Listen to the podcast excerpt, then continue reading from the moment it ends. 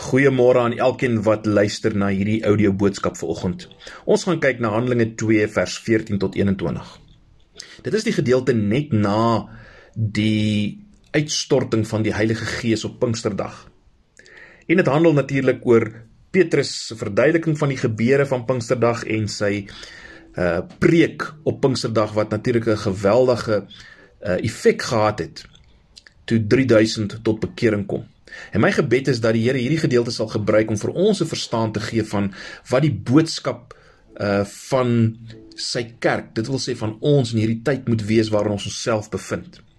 Maar kom ons vra dat die Here sy woord so sal gebruik. Ag Here, kom nou en praat met ons deur u woord en deur die werking van die Gees. En en maak ons opgewonde oor die tyd waarin ons onsself bevind en maak ons opgewonde oor die boodskap wat ons het vir 'n wêreld in nood rondom ons en maak ons opgewonde oor die krag wat U vir ons tot ons beskikking stel. Ons vra dit in Jesus se naam. Amen. Handelinge 2 vanaf vers 14. Ons lees die 53 vertaling, maar Petrus het opgestaan met die 11 en sy stem verhef en hulle toegespreek: "Joodse manne en almal wat in Jerusalem woon, dit moet julle weet en luister na my woorde. Hierdie mense is tog nie dronk soos julle dink nie, want is nog maar die 3de uur in die môre. Maar dit is wat deur die profeet Joël gespreek is. En in die laaste dae spreek God, sal ek van my gees uitstort op alle vlees. En julle seuns en julle dogters sal profeteer en julle jongelinge sal gesigte sien en julle ou mense sal drome droom. En ook op my diensknegte en diensmaagde sal ek in die dae van my gees uitstort en hulle sal profeteer. En ek sal wonders gee bo in die hemel en tekens op die aarde, bloed en vuur en rookdamp. Die son sal verander in duisternis en die maan in bloed voordat die groot en deurligtige dag van die Here kom. En elkeen wat die naam van die Here aanroep sal gered word. Israeliete, luister na hierdie woorde. Jesus, die Nasareëner, 'n man deur God vir julle aangewys met kragte en wonders en tekens wat God deur hom onder julle gedoen het, soos julle ook self weet. Hom wat deur die bepaalde raad en voorkennis van God oorgelewer is, het julle deur die hande van goddelose manne geneem en gekruisig en omgebring. Hom het God opgewek nadat hy die smarte van die dood ontbind het, omdat dit onmoontlik was dat hy daardeur vasgehou sou word. Want Dawid sê van hom: Ek het die Here altyd deur voor my gesien, want hy is aan my regterhand dat ek nie sou wankel nie. Daarom is my hart bly en my tong juig, ja ook sal my vlees nog rus en hoop, want U sal my siel nie aan die doodryk oorlaat of U heilige oorgee om verderwing te sien nie. U het my die weë van die lewe bekend gemaak. U sal my vervul met vreugde by U aangesig. Broeders, ek kan vryheid met julle spreek oor die aardvader Dawid, dat hy gesterf het en ook begrawe is en sy graf is by ons tot vandag toe. Omdat hy dan 'n profeet was en geweet het dat God vir hom met 'n eed gesweer het dat hy die vrug van sy lendene wat die vlees betref, die Christus sou verwek om op sy troon te sit, het hy omdat hy dit vooruit gesien het, gespreek van die opstanding van Christus. Dat sy siel nie in die doderyk verlaat is en sy vlees ook nie verderwing gesien het nie. Hierdie Jesus uh, het God opgewek waarvan ons almal getuies is. Nadat hy dan deur die regterhand van God verhoog is en van die Vader die belofte van die Heilige Gees ontvang het, het hy dit uitgestort wat julle nou sien en hoor. Want Dawid het nie in die hemele opgevaar nie, maar hy self sê die Here het gespreek tot my Here sit aan my regterhand totdat ek u vyande gemaak het 'n voetbank van die voete. Laat dan die hele huis van Israel sekerlik weet dat God hom Here en Christus gemaak het, hierdie Jesus wat julle gekruisig het. Toe hulle dit hoor, is hulle diep in die hart getref en het vir my het vir Petrus en die ander apostels gesê: "Wat moet ons doen, broeders?" En Petrus sê vir hulle: "Bekeer julle en laat elkeen van julle gedoop word in die naam van Jesus Christus tot vergifnis van sondes, en julle sal die gawe van die Heilige Gees ontvang." Want die belofte kom julle toe en julle kinders en almal wat daar ver is, die wat die Here ons God hom sal roep. En met baie ander woorde het hy hulle besweer en vermaaning gesê: "Laat julle red uit hierdie verkeerde geslag." Die wat toe sy woord met blydskap aangeneem het uh of die wat toe sy woord met blydskap aangeneem het is gedoop en daar is op die dag omtrent 3000 siele toegebring. Wat behoort die inhoud van die kerk se getuienis te wees in die laaste dae? Die getuienis waarvan Handelinge 1 vers 8 sê dat ons krag sal ontvang of dat die kerk krag sal ontvang wanneer die Heilige Gees oor hulle kom. Wat behoort die inhoud van hierdie getuienis te wees?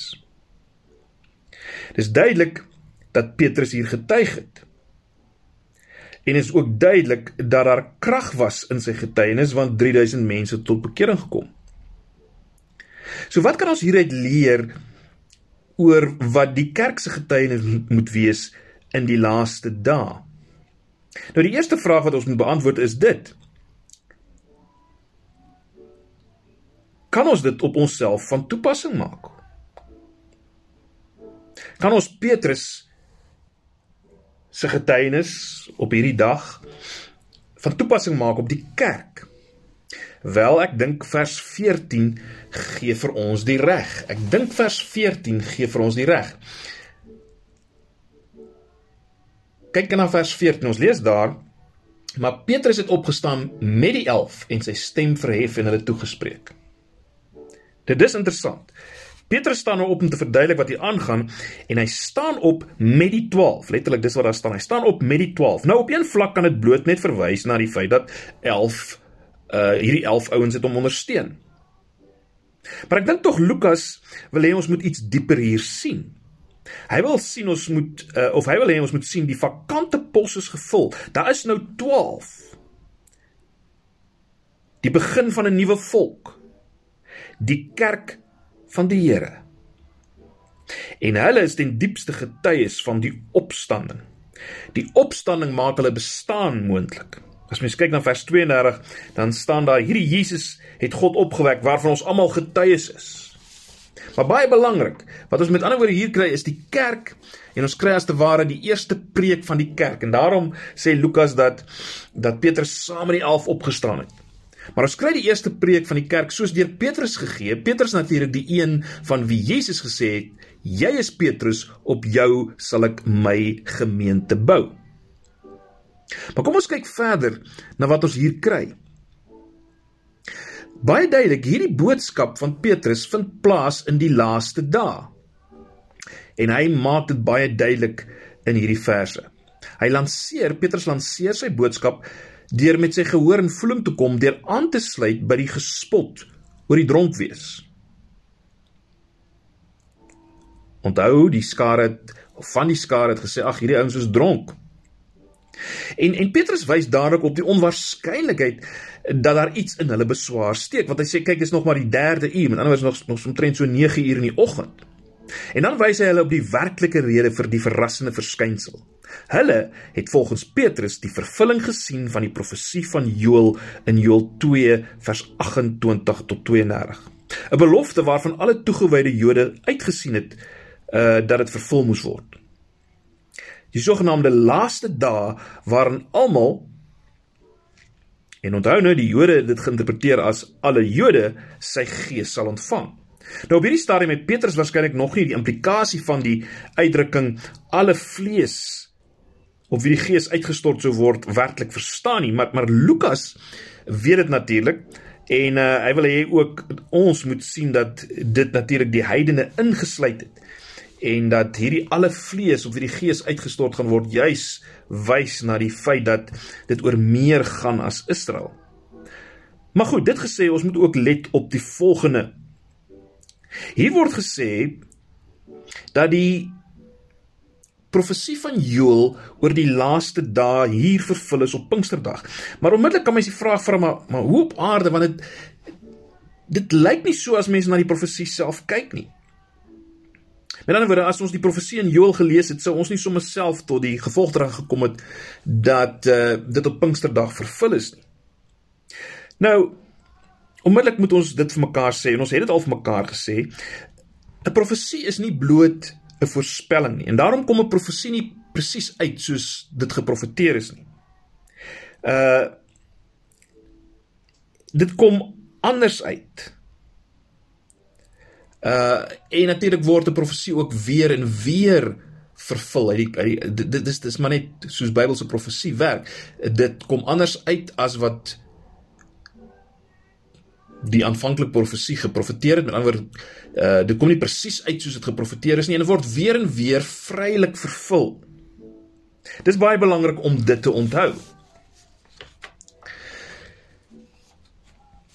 As ons kyk na hierdie profesie, is dit interessant dat die boek Openbaring maak duidelik dat dit weer dat die dat of, of, of maak dit duidelik dat hierdie profesie ook vervul word uh in die tyd voordat die Here Jesus kom, weer eens die die laaste dae.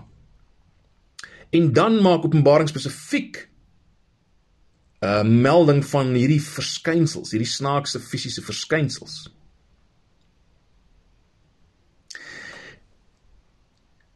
Ek dink ons moet dit vir mekaar sê dat dwars deur die periode van die laaste dae.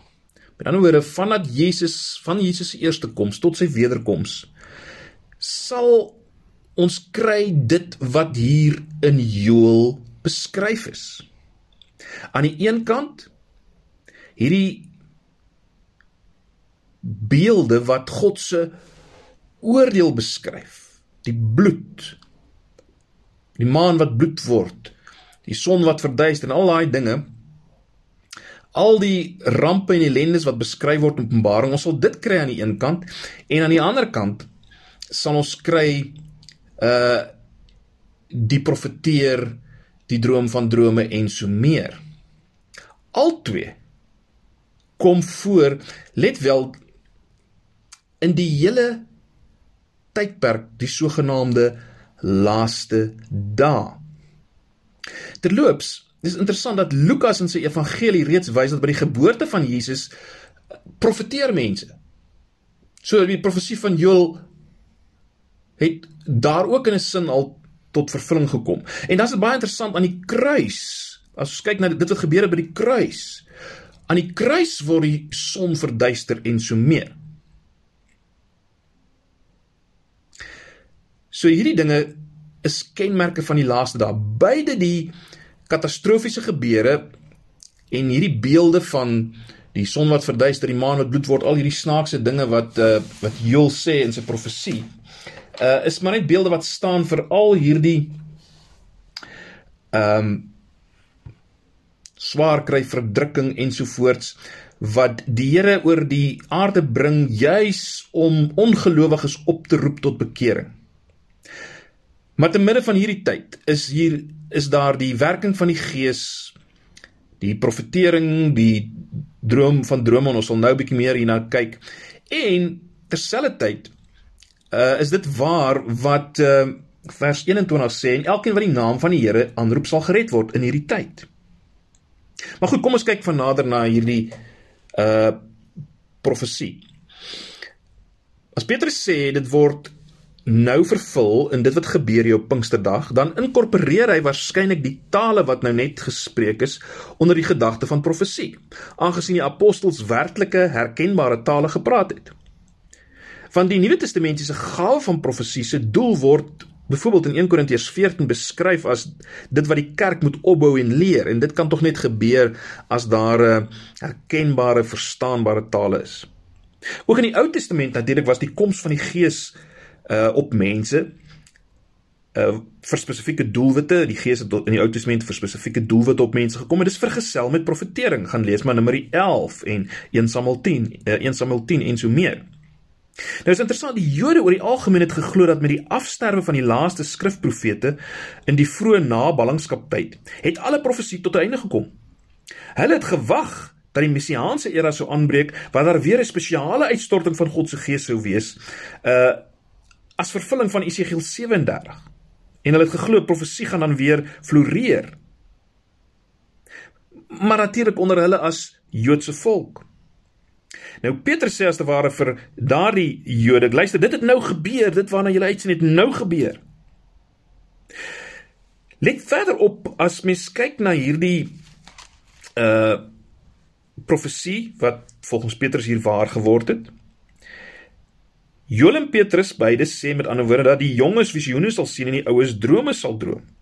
Maar dit is baie belangrik om te verstaan dat hier word nie maar net gepraat oor ouens wat in die algemeen drome sal droom en visioene sal sien uh oor wat met hulle gaan gebeur en so meer nie. Dit gaan hier oor drome en visioene omtrent die uitbreiding van die koninkryk van God totdat alle vlees bereik is. Hoekom sê ek so? Wel, kyk na die boek Handelinge self. Drome en visioene was daar vir sendingstrategie en missionêre motivering. Byvoorbeeld, In Handelinge 9 Ananias het 'n visioen van Paulus gehad. Uh wat vir Paulus dit duidelik gemaak het dat hy geroep is vir sendingwerk. So die visioen in Handelinge 9 het as te ware vir Paulus uh lanseer vir sy sendingwerk. Petrus in Handelinge 10 het weer 'n visioen om die evangelie en die gees na die heidene in Kornelius se huis te bring. Paulus in Handelinge 16 het 'n visioen vir die Europeërs. As hy daai visioen sien van die uh, Macedoniër wat sê kom oor na Macedonië en help ons. Gaan lees ook gerus hoofstuk 18 vers 9. Ehm um, waar dit baie duidelik is deur die visioen dat hy nie moet uh, dat hy nie moet swyg daaroor nie. En uh, in hoofstuk 26 vers 19 maak Paulus dit duidelik dat hy nie aan die hemelse gesig ongehoorsaam kon wees nie. So baie duidelik die drome en visioene ehm uh, was deel van hierdie getuienis staak. Dis daarbey geïnkorporeer. Maar goed, kom ons kyk verder na Petrus en daarom die kerk se eerste preek en en ons probeer verder raak sien wat waarmee ons moet besig wees. Dit is baie interessant dat Petrus nou gewys het dat die wonders uh die, die wonders en die tekens wat gebeur het wys dat die Gees gekom het. En nou gaan hy verder om te wys dat wonders en tekens ook 'n bewys was van die feit dat Jesus deur God gestuur is. Met ander woorde dat Jesus as te ware die stempel van egtheid dra van God.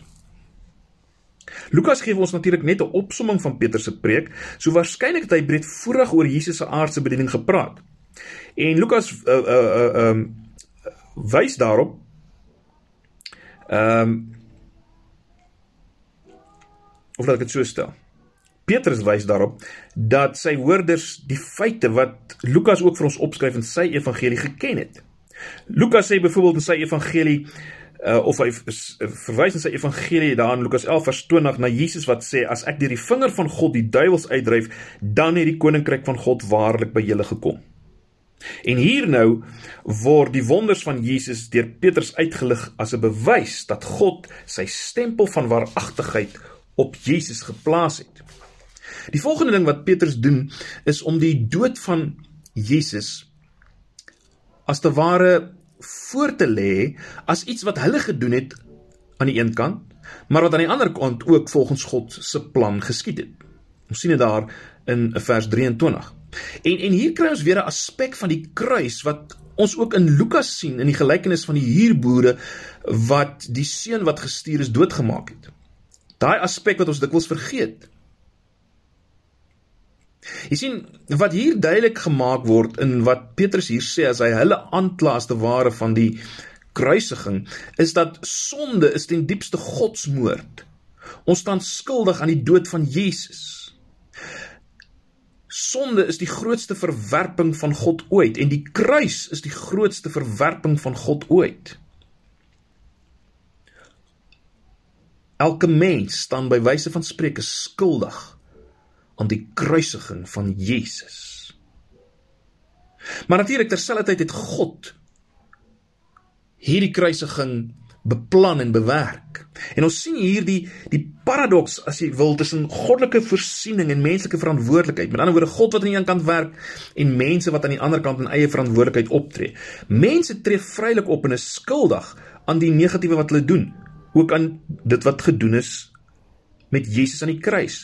Maar God kom en hy deurkruis daardie negatiewe ding en maak dit positief. Ek het al baie daaroor gepraat. Weereens ons moet sien dat die die mense se daad en God se daad wat betref die kruisiging is twee verskillende dade. Ons kan self sê twee teenoorgestelde dade. Die agtergrond van die mense wat Jesus kruisig is haat. Die agtergrond van God wat sy seun stuur om gekruisig te word is liefde. Die doel van hulle daad is om van Jesus ontslae te raak. Die doel van God se daad is om redding te bring vir my en jou en vir die wêreld. Hulle daad is 'n onheilsdaad. God se daad is 'n heilsdaad. God se daad kruis nie net hulle daad nie. God se daad deurkruis hulle daad.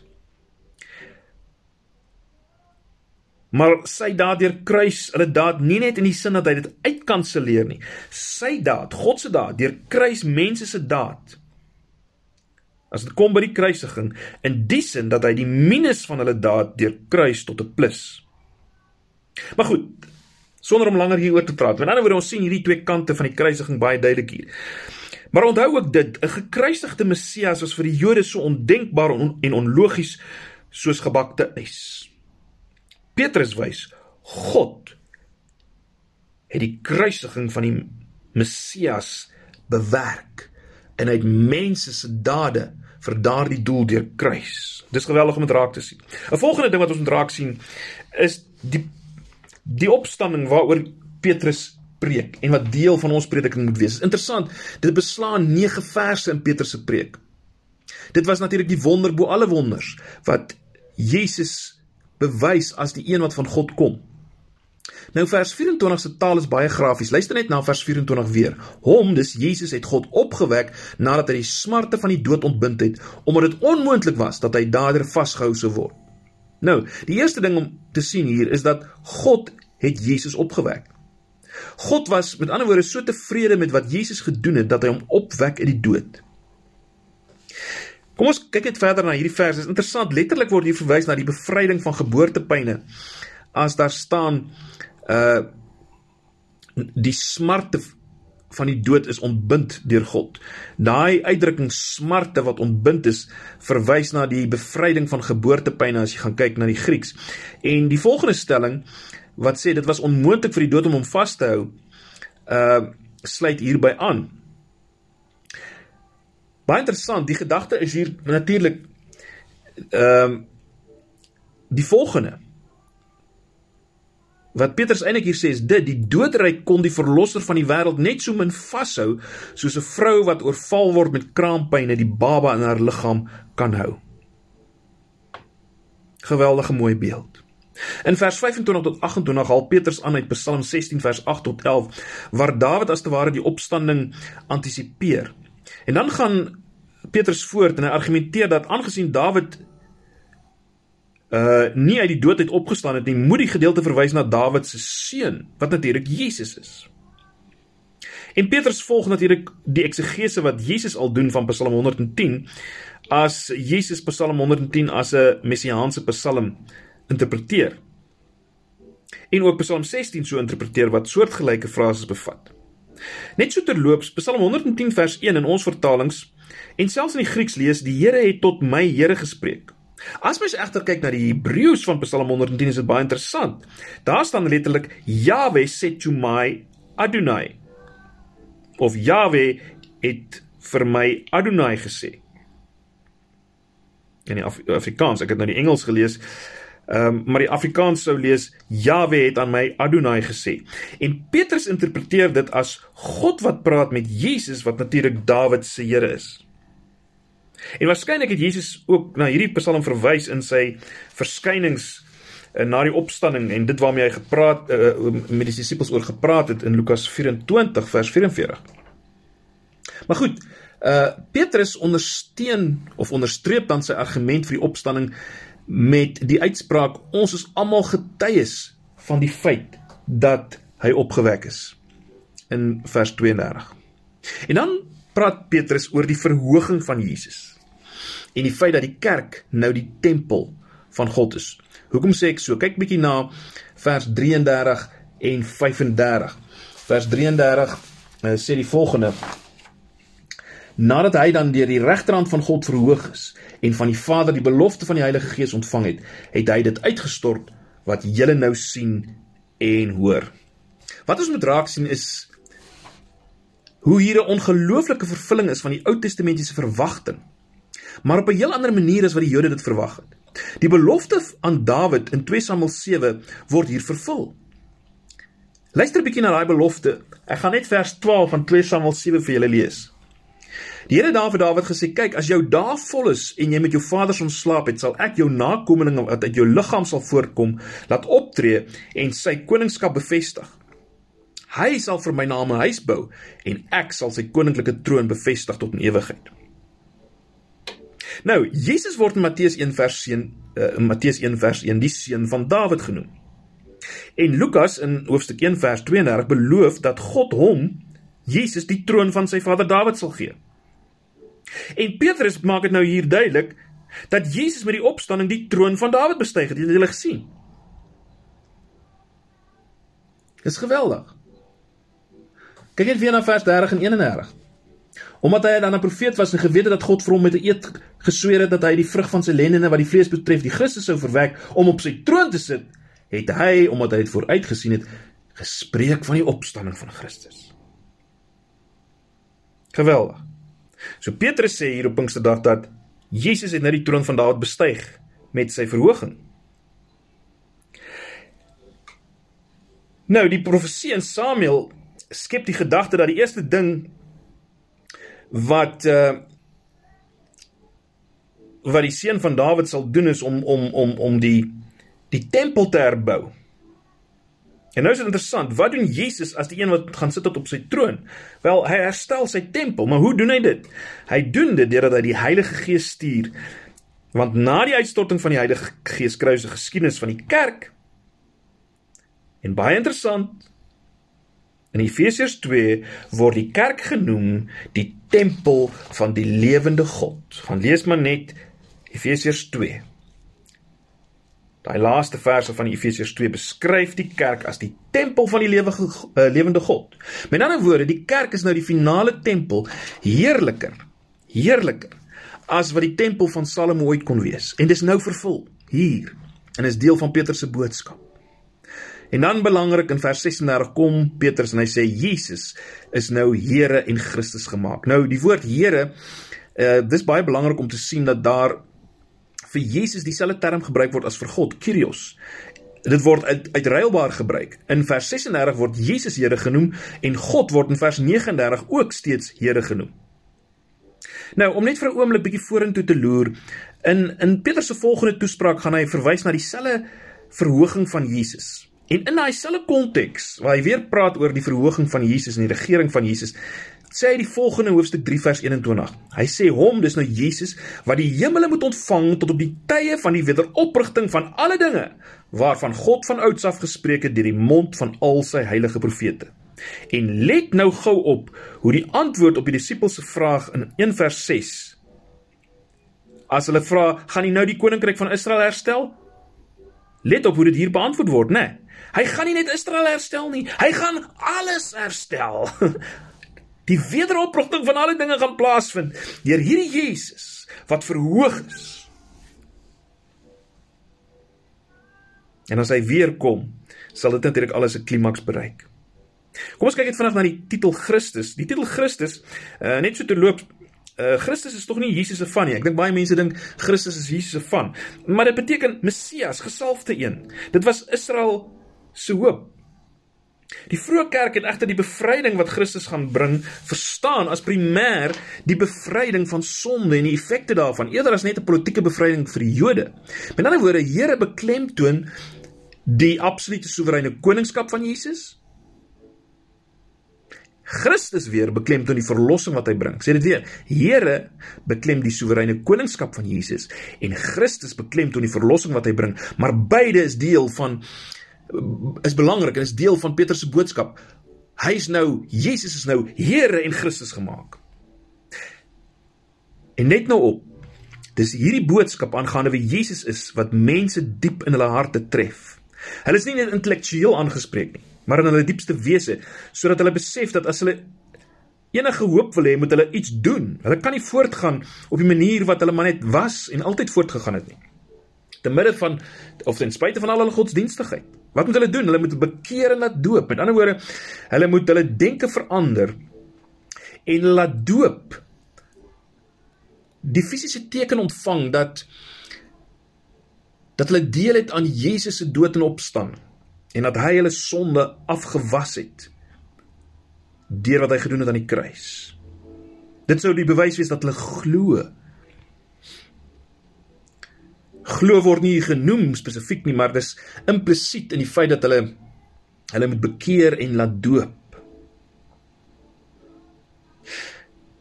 En as hulle dit doen, sou hulle die gawe van die Gees ontvang. Dan word dit die geskenk van die Gees. Weereens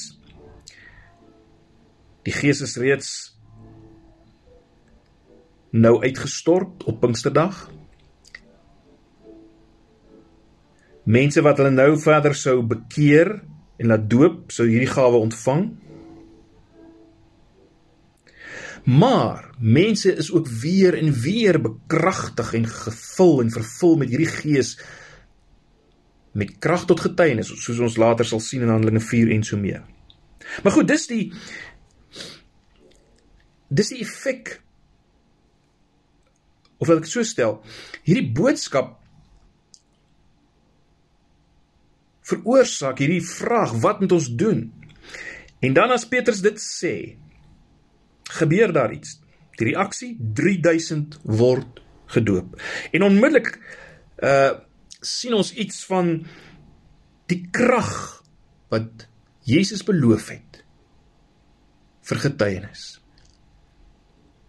Dis die rede waarom Lukas praat van 3000. Om ons te sê dis wat nou gebeur het. Petrus is 'n lewende voorbeeld van die krag in prediking wat beloof is. Maar goed, kom ons bring dit bietjie nader aan onsself. Ek dink ons moet vir mekaar baie duidelik volgende weer sê, ons leef in die laaste dae. Want ons leef in die tyd nadat Jesus gekom het en voordat hy weer gaan kom. Wat kan ons verwag in hierdie laaste dae? Wel kom ek lees 'n ander gedeelte en kyk 'n bietjie uit 'n ander hoek hierna. Jesus in Matteus 24 vers 9 tot 14 praat oor die laaste dae. Dan sê hy die volgende, hy sê dan sal hulle julle aan verdrukking oorgee en julle doodmaak en julle sal deur die nasies gehaat word ter wille van my naam. En dan sal baie tot stryd gebring word en mekaar verraai en mekaar haat en baie valse profete sal opstaan en baie mense mislei. En omdat die ongeregtigheid vermeerder word, sal die liefde van die meeste verkoel. Maar wie volhard tot die einde toe hy sal gered word en hierdie evangelie van die koninkryk sal verkondig word in die hele wêreld tot 'n getuienis vir al die nasies en dan sal die einde kom. Hier's iets geweldig fascinerends. Omdat die goddeloosheid gaan toeneem, sê Jesus sal die liefde van die meeste verkoel. Maar nie almal se nie.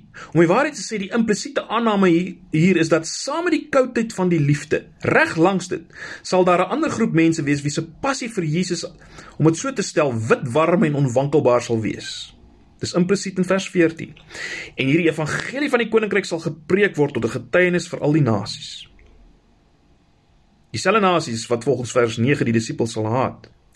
En jy sien dit is waarvoor ons die krag nodig het wat ons sien op Pinksterdag in Petrus se preek. Dis die krag wat ons nodig het. Maar die krag om om wat te doen, wat te preek? Wel, dit wat Petrus hier gepreek het. Waaroor het hy gepreek? Waaroor het hy gepreek? Wel, hy het gepraat oor die historiese Jesus en sy aardse bediening, dat hy wonders en tekens gedoen het en so bewys is as die een wat God gestuur het. En hy het gepreek oor hierdie Jesus se dood, sy kruisiging. Hy het gepreek oor sy kruisiging. Maar hy het ook gepreek oor hierdie Jesus se opstanding. En hy het gepreek oor hierdie Jesus se verhoging. En wat dit beteken.